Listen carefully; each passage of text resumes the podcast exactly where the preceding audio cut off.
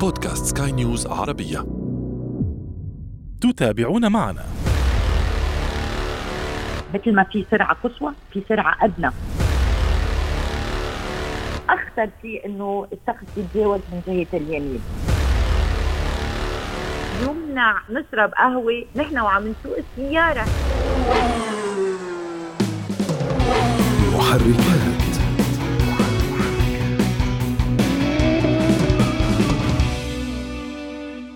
يقود البعض مركباتهم بطريقة عشوائية والبعض الآخر دون أدنى انتباه للآخرين. الرابط بين كل هؤلاء أنهم يتسببون بإزعاج وإرباك شديدين لغيرهم وربما يتسببون أيضا بأذيتهم جسديا وماديا. فإن كنتم تعرفون أحدا من هؤلاء تابعوا هذه الحلقة.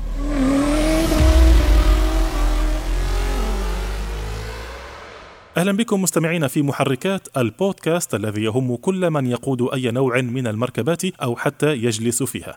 نحن هنا نهتم بتقوية ثقافة المركبات لديكم وفي كل حلقة نفتح أحد الملفات ولا نغلقه قبل أن نصل إلى نتيجة وتوصيات. أعده وأقدمه لكم أنا أشرف فارس عبر أثير سكاي نيوز عربية. محركات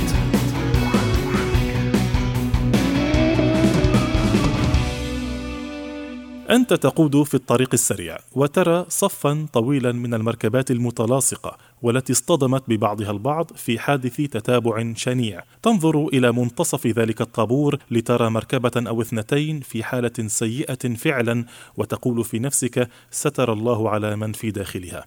لكن أيضا لابد أنك ستنظر إلى مطلع ذلك الطابور. أنت تريد أن ترى من هي المركبة الأولى. لأنها بطبيعة الحال سيبدو سائقها هو الذي تسبب بكل هذه المعمعة. قد يكون كذلك فعلا لكن قد يكون مظلوما أيضا. فيمكن أن يكون المتسبب الحقيقي بعيدا جدا عن موقع الحادث. ولكنه قام بحركة مفاجئة إما بقصد التجاوز الخاطئ أو ربما الخوف الزائد غير المبرر أو ربما توقف فجأة عندما رأى رادار السرعة أمامه. ايا كان دافعه لكن تصرفه المفاجئ في النهاية أدى لإرباك السائق الذي خلفه وخلف الذي خلفه وكل الذين خلفهم حتى حدث ما حدث. هذا سيناريو واحد والنتائج لا تعد ولا تحصى لما يمكن أن يحدث بسبب سائق واحد مزعج. ربما يدري وتلك مصيبة وربما لا يدري وتلك مصيبة أعظم. لذلك عزيزي المستمع إن كنت تعرف أحدا منهم دعونا نتعلم من أصحاب الاختصاص ما هي العادات التي تجعل من السائق مزعجا ومؤذيا للآخرين. حول هذا الموضوع تنضم إلينا من لبنان السيدة إلينا جبران نائب رئيس جمعية كن هادي للسلامة المرورية. أهلا بك سيدة إلينا. شكرا أهلا فيك. سيدة إلينا كثير من نعم. السائقين يقودون ليس في بالهم الناس ليس في بالهم السائقين نعم. الآخرين. لا يعرفون بأنهم يتصرفون تصرفات مزعجة يتفاجؤون حتى من ردود فعل الآخرين. دعنا صح. نبدأ بما هي أبرز العادات التي يمكن أن تكون مزعجة للآخرين. أوكي أنا أول شيء بدي أقول إنه نحن لما بنكون على الطريق السريع في قوانين لازم نتبعها مثل ما في سرعة قصوى في سرعة أدنى. يعني في سرعة نحن تحت هي السرعة ممنوع نمشي اسمه طريق سريع لأنه بنعرض غيرنا على الطريق السريع للخطر. التصرفات الرعناء يلي كثير ناس بيعملوها وخاصة الفئة الشبابية آه، وخاصة الرجال أو الشباب. هلأ عندنا بلبنان حتى صاروا النساء وال- والسيدات وحتى الفتيات بيقوموا فيهم. ما بعرف ليش بهالمنطقة الشرقية في عنا في عنا مقولة خاطئة بنفكر إنه الرجولية هو إنه نقوم بأشياء خطرة على الطرقات وخاصة الطرقات السريعة. يعني خليني بلش أقول آه، مثل ما حضرتك قلت أول شيء بيكون آه، السرعة إنه هي بتعطي رجوليه أنا بسرع يعني قلب قوي يعني أنا رجال كثير قوي. وهيدي آه، كثير خاطئة هالشيء بالعكس الرجل المحترم هو رجل يلي إذا بدك بيحترم القانون وساعتها الناس بتنظر له بغير طريقة بطريقة احترام. بينما الشخص يلي بيكون عم بيقوم على الطريق السريعة أول شيء آه، ما بعرف نحن عنا إياها كثير بلبنان هالبتوينات بيصير يشفط على الطريق وبيصير بثواني بيقطع من اليمين للشمال ومن الشمال لليمين. التصرفات المزعجة إنه أنت امراض بتكون ماشي على خط آه، الشمال. بس خليني أقول مم. الأصول إنه نمشي بالخط الوسطي. الخط على ناحية الشمال هو آه، نحن بتسميه خاطئه بنسميه الطريق السريع الممر السريع هو ممر التجاوز. يعني أنا إذا ماشي بخط اليمين والسيارة اللي قدامي بطئت وأنا بدي أتجاوز عنها أنا لازم أتجاوز من جهة الشمال وأرجع آخذ يميني وضلني ماشية بالنص. في بعض الأشخاص بيقوموا بتصرفات رعناء إذا الخط الشمال في سيارة عم تقطع واللي أمامه زعجه بيتجاوز من جهة اليمين. أخطر شيء إنه نحن نتجاوز من جهة اليمين. أول شيء حقل نظرنا بيكون منه واضح. شغلة تانية آه كل إذا بدك المساري هي من جهة اليمين. يعني أنت إذا بدك تترك الطريق السريع لتفوت لطريق داخلية أنت بتاخذ اليمين.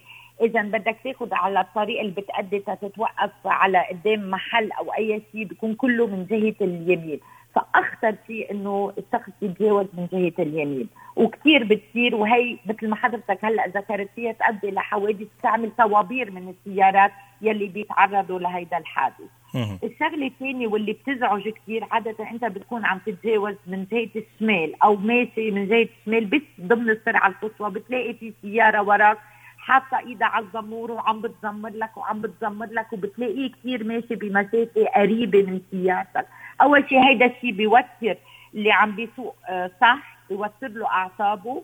ويمكن آه، قد ما بيتوتر ما بعد عارف حاله كيف بده كيف بده يسوق. أو إذا ما زمر له بصير يعلي ويطفي الضوء يعلي ويطفي الضوء. يعني بيصير في إزعاج كثير كبير على الطريق. نوع من التنمر هذا بالمناسبة. أكيد لازم نحن نحترم بعض. بعدين ما بعرف عندكم نحن نحن إذا الطريق السريعة بتكون ثلاث خطوط عندنا بلبنان بيعملوها خمس خطوط. يعني بيمشوا على الخط بدل ما يمشوا بيناته هيدا الشيء بيزعج لأنه أنت بتكون حاسس إنه السيارة الثانية كثير ملتصقة بسيارتك.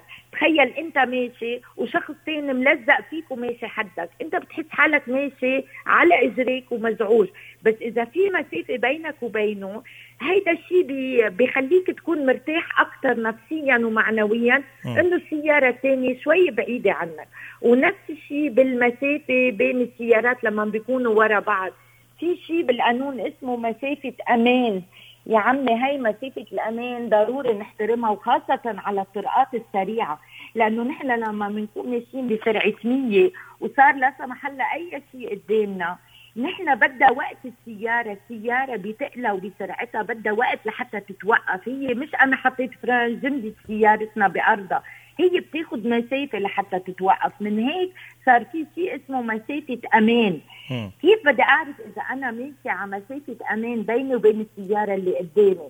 أي شيء على الطريق السريع ثابت على الطريق خليني أقول إشارة شجرة أي شيء. من بعد ما تقطع السيارة قدامي أنا بعد ألف وواحد ألف واثنين لازم أنا أوصل على هيدا الشيء الثابت على الطريق. ساعتها أنا بكون محترمة مسافة الأمان.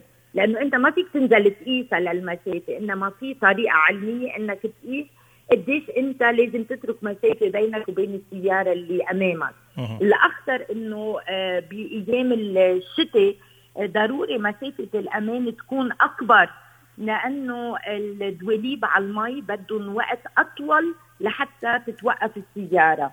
والمسافة الأطول كمان لازم تكون أكبر لسائقي الشاحنات أو السيارات الكبيرة الثقيلة لأنه كمان عتقلها للسيارة بدها مسافة أطول لحتى تتوقف. إذا بتنتبه عادة إذا أنت عم بتسوق آه، خلف شاحنة بتلاقي تحت الضوء الخلفي أول شيء شيء فوسفوري تينبهك إنه هون في شاحنة لأنه في ناس ما بيشوفوها. شغلة تانية إذا بتنتبه على طول بيبقوا حاطين إشارة إنه إذا بدك تتجاوز تجاوز على الشمال وبيبقى في إشارة ممنوع من جهة اليمين هيدا ليه؟ لأنه سائق الشاحنة هو وقاعد على شاحنته وخاصة إذا شاحنة عالية وإنت تجاوزت من جهة اليمين هو ما بيقدر يقشع إنه في سيارة عم تتجاوز من جهة اليمين لا مرايات الشاحنة بتسمح له ولا حقل نظره بيسمح له إنه يشوف إنه في سيارة عم تتجاوز من جهة اليمين. من هيك للأسف بيبقى في كثير حوادث. الشاحنة بتجر السيارة وما بتكون مدركة هالشاحنة إنه هي جرت معها سيارة. هو فعليا يحتاج إلى وقت طويل حتى لكي يتوقف. حتى وإن كان ينوي التوقف يحتاج لمسافة طويلة جدا لكي يتوقف كشاحنة كبيرة. أكيد. ما هو التوقف هو ثقل السيارة وسرعة السيارة هول هالعاملين هن اللي بيلعبوا دور أساسي بتوقف السيارة. من هيك الشاحنة بدها مسافه أطول لحتى تتوقف. يعني أنا ما في أتجاوز وإجي دغري قدام شاحنة وتكون المسافة كثير صغيرة. لأنه حتى صاحب الشاحنة حرام ما بده يعرضنا لحادث إنما لو حط إجره على دعسه الفريمات الشاحنة ما فيها تتوقف.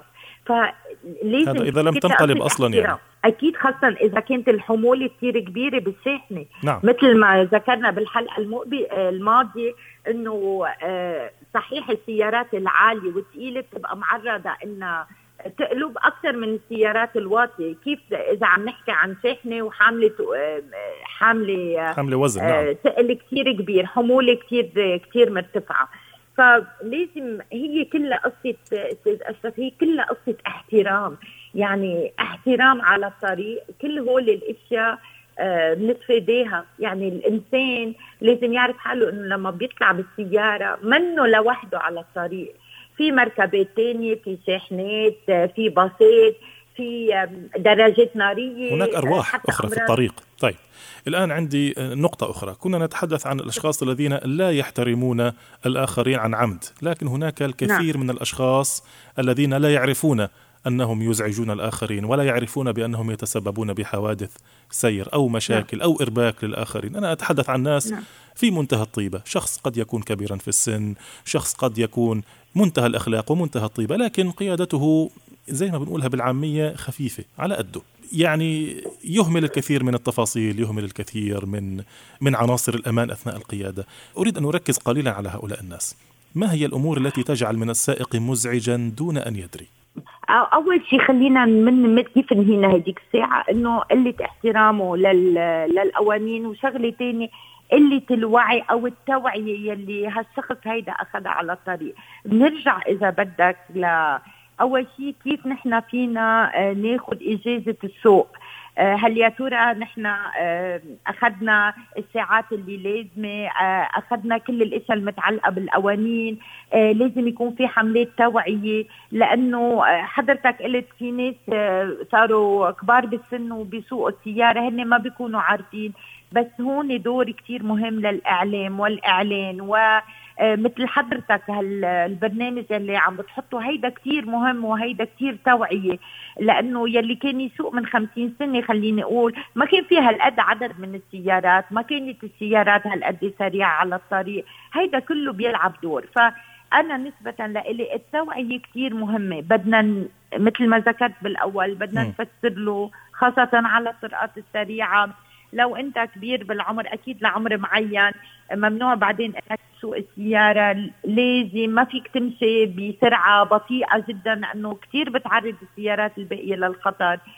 طيب أه نتكلم عن الطرف الآخر. ليس عن المتسبب بل عن السائقين الآخرين. عندما أرى سائقا إما يقود بطريقة عشوائية متعمدة أو يقود بطريقة عشوائية غير متعمدة أحيانا يصعب علي التمييز إن كان هذا الشخص يتعمد ذلك أو لا. يعني يمكن أن تقودي أنت على الطريق السريع ويكون الطريق فارغا ربما وترين أحد السائقين انحرف فجأة مسربين أو ثلاثة وعاد مرة أخرى إلى مسربه. لا تعرفين ربما حدث معه ربما سكتة قلبية ربما وقع هاتفه وقعت القهوة على حجره. لا تعرفين. أنا كسائق كيف آه. أتصرف في مثل هذه الحالات؟ okay اثرت انت نقطة كثير مهمة أو وقعت القهوة أو تليفونه وقع منه أو لا سمح الله صار له سكتة قلبية هلأ هي قصة السكتة القلبية هي ممكن تحصل إنما النسبة ضئيلة جدا جدا جدا بس ممكن تحصل م. okay من هيك كثير مهم المسافة الامان اللي حكينا عنها بالأول لأنه ما بتعرف شو ممكن يحصل للي عم بيقود السيارة يلي أمامك هلأ حضرتك ذكرت بالأول إنه في أشخاص بيسوقوا بطريقة رعناء آه، عن قصد أو عن غير قصد. ما في حدا يقود بطريقة آه، رعناء عن غير قصد. هو قاصد إنه يسوق بهيدي الطريقة إلا إذا كان ذاهل لقوانين القيادة. من هون ضروري جدا آه، التركيز على القيادة. ممنوع نستعمل أي شيء يلهي السائق أثناء القيادة. حتى فنجان القهوة يمنع إنه نحن نشرب قهوة. نحن وعم نسوق السيارة. هدول عادات هلأ دارجة إنما هي عادات خاطئة. حتى السيجارة ممنوعة. أي شيء يلهي يشتت تفكيرنا. مش أنا بدي أم... بدي أطلع تامسك فنجان القهوة وأشربه. هي لحظة ثواني فيها تعرضنا لحادث. والأخطر وكلنا بنعرف اشرف بهالأيام هو استعمال الخليوي اثناء القيادة، ساعة بقول أنا عم ببعث voice message بس أنا عم بطلع على الطريق، ساعة بكون عم بيكتب رسالة، ساعة أنا حتى لو عم ببعث voice ضروري نعرف إنه فكري بيكون مشتت. لو عيوني على الطريق إنما فكرنا مشتت. هيدي ضروري يعرفوها. ما فينا الله خلقنا بطريقة إنه ما فينا نعمل شغلتين بنفس الوقت. دماغنا الله هيك خلقه. لدينا مثل يقول أبو بالين كذاب. صح يعني نحن فينا نلقط كذا شغلة دماغنا بيلقط كذا شغلة بس إذا بدنا نركز بدنا نركز على شغلة وحده فأثناء القيادة لازم نكون كثير متنبهين على اللي عم بيصير أمامنا لأنه ما بنعرف شو معقول يحصل. حضرتك قلت يمكن حدا يتعرض لسكتة قلبية.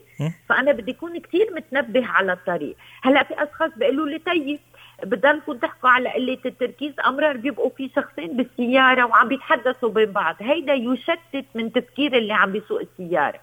بمطرح ما نعم إنما لما بنكون نحن شخصين بالسيارة بيبقى في أربع عيون على الطريق. يعني إذا السائق تشتت نظره أمرار اللي قاعد جنب السائق بيقول له انتبه. ياما أمرار آه بيبقى شاطط الهيدا اللي عم بقود السيارة بس يلي قاعد حده بيلفت له نظره. انتبه هون مصر انتبه في سيارة قربت. فمنه نفس الشيء. ضروري التركيز ثم التركيز ثم التركيز أثناء التركيز. القيادة. نعم كما يقولها دائما مدربو القيادة آه، اعتبر كل السائقين على خطأ وأنت الوحيد على صواب. طيب بعيدا عن العادات الرعناء بعيدا عن الحوادث. نعم. هناك بعض الناس لديهم عادات منتشرة في بعض الدول وبرأيي هي مزعجة جدا.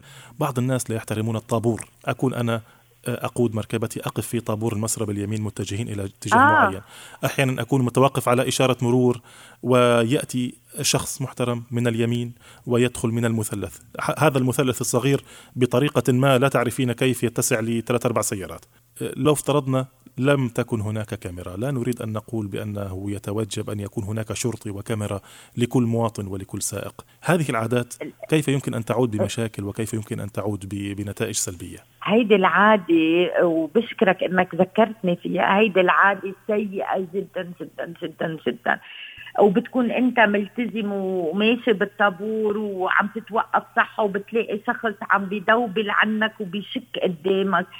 يعني شيء مزعج أكثر من هيك مش طبيعي إنه يكون هيدا الشيء ما هون بيرجع الاحترام. أنا عم بحترم القانون وعم بمشي مع إنه أنا يمكن يكون تعبانة ومستعجلة وبدي أوصل أو على مكان عملي أو أو على بيتي.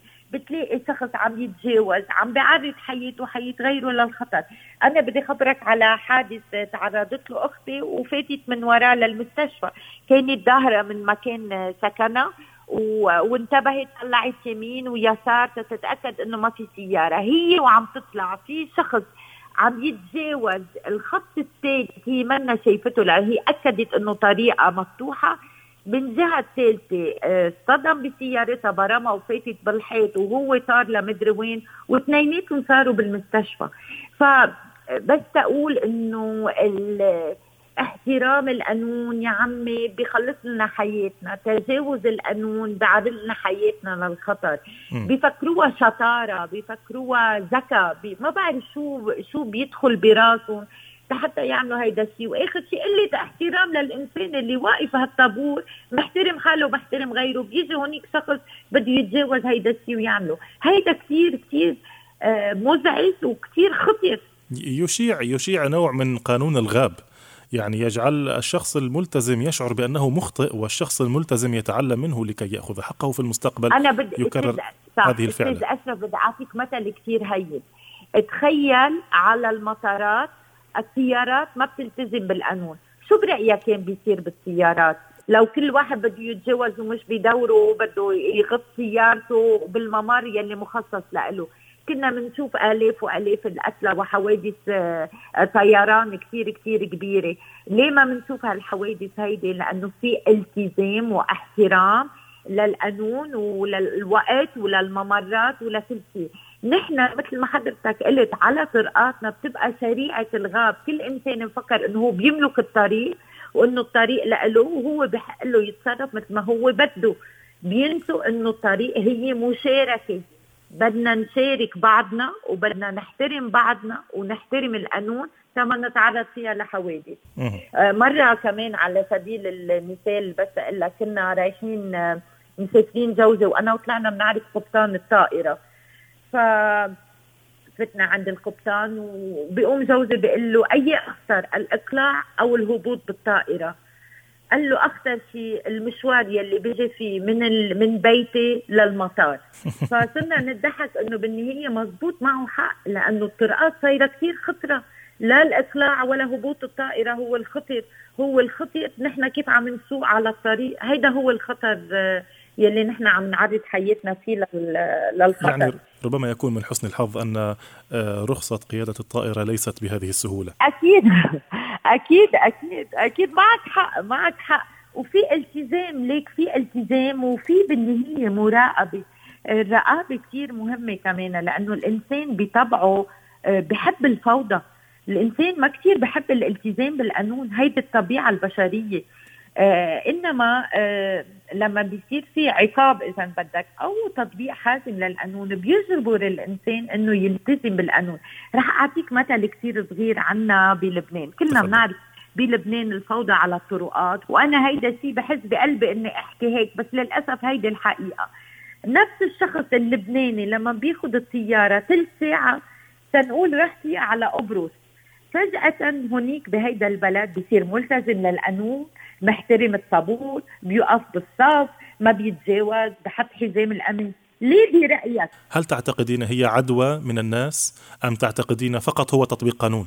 ليك معك حق. بمطرح ما في عدوى لأنه بيصير بيخجل من حاله إنه يخالف لما بيشوف كل الناس عم تلتزم.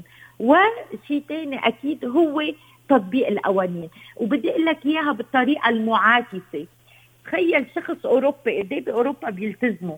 يجي رح أعطيك مثل لبنان وبيسوق بلبنان. صدقني بيصير يسوق بطريقة رعناء أكثر من اللبناني. لأنه ترجع لطبيعة الإنسان الفوضوية لما بيلاقي فوضى الفوضى بتريحك. الالتزام بالقانون بيتعبك لأنه في قيود بدك تتأيد فيها، الفوضى بتريحك لأنه أنت بتعمل يلي عبالك إنك تعمله. إيه، ساجيبك هنا من ناحية نفسية بحتة، السيارة تساعد في إخراج الطاقة من الإنسان، فكل إنسان يريد أن يخرج طاقته بسيارته إذا كان محبا للسرعة والطاقة. أنا أعرف في أكثر من دولة توفر حلبات سباق يمكنك أن تستخدم سيارتك أنت فيها، لكن على مسؤوليتك الشخصية.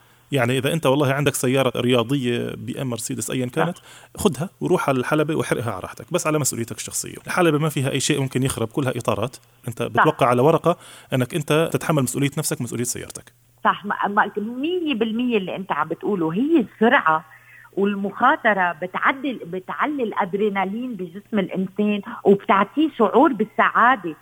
هيدا الأدرينالين مثل ما حضرتك قلتوا آه مش لازم يتفجر على الطرقات يلي فيها عدد كتير كبير وما فيها كل أجهزة الأمان مش كل الطرقات آمنة.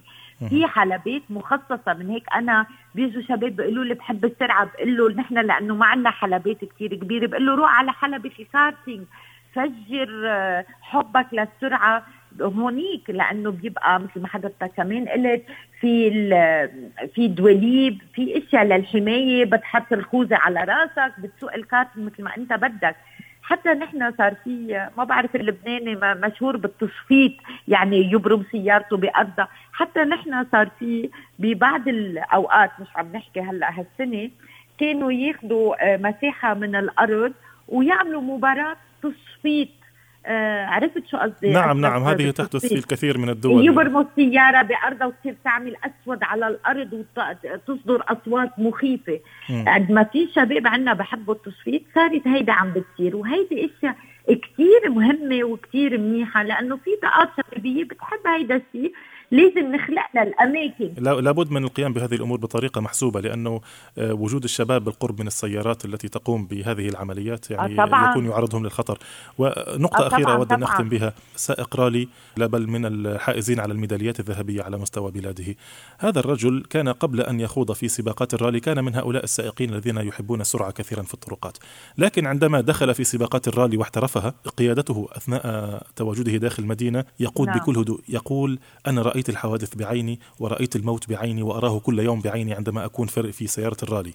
أخاف أن تنقلب بالسيارة ورأيت الناس تموت ورأيت الناس في حوادث حريق وما إلى ذلك. فأنا داخل المدينة يعني هو يقود بمنتهى المسؤولية داخل المدينة ولكن على الحلبات هو إنسان آخر كليا. صح. مية بالمية لأنه هو صار يعرف قديش لازم يكون في وسائل أمان لحتى أنا سوق بسرعة كتير كبيرة. وهالوسائل هيدي منا موجودة على طرقاتنا؟ نحن خلال محاضرات اللي بنعملها للتوعية منفرجيهم فيلم قصير لحادث تعرض له نويل جمال يلي هو البطل آه، تبع الفورمولا 3 انت بتعرف ببلشوا 3 2 تيوصلوا نعم. للفورمولا 1 نعم. تعرض فرجيهم بهيدا الفيلم الصغير كيف تعرض لحادث كتير كبير وكيف نزل منه ما بأي شيء. فبصير بسأل الشباب والصبايا ليه برأيكم ما صار له شيء؟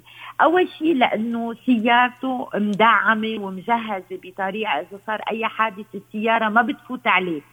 الشغلة الثانية هو عم بيسوق بحلبة مسكرة ما في سيارات تانية ما في ناس واقفة على الطريق وفي الدواليب بيبقى لابس بدله متخصصة ضد الحريق تما يصير له أي شيء إذا لا سمح الله.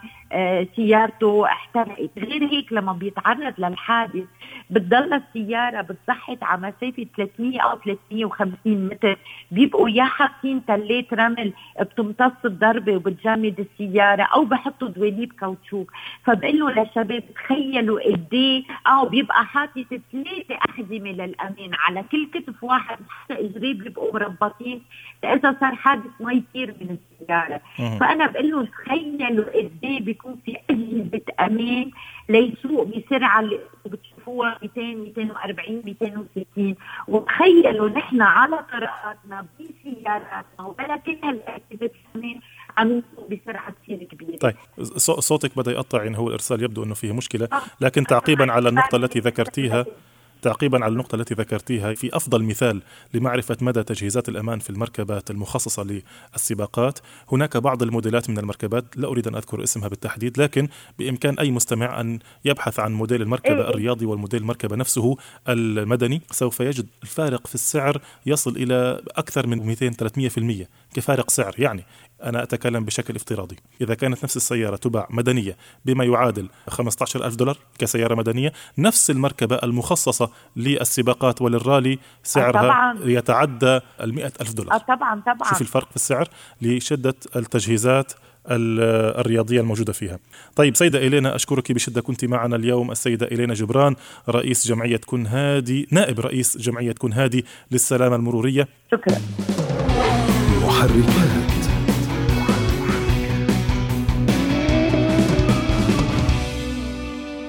وأنتم مستمعينا الكرام إذا حاز هذا البودكاست على استحسانكم يرجى منكم إعطائه التقييم المناسب وإذا كانت لديكم أي تعليقات أو تحسينات يسعدنا دائما أن نستقبل رسائلكم عبر منصاتنا المختلفة. تابعونا دائما وأبدا عبر جميع منصات سكاي نيوز عربية. كان معي في الإخراج الفني إيدي طبيب. في الإعداد والتقديم كنت معكم محدثكم أنا أشرف فارس. نشكركم مرة أخرى على حسن المتابعة. دمتم دائما وأبدا في أمان الله. مع السلامة. محركات.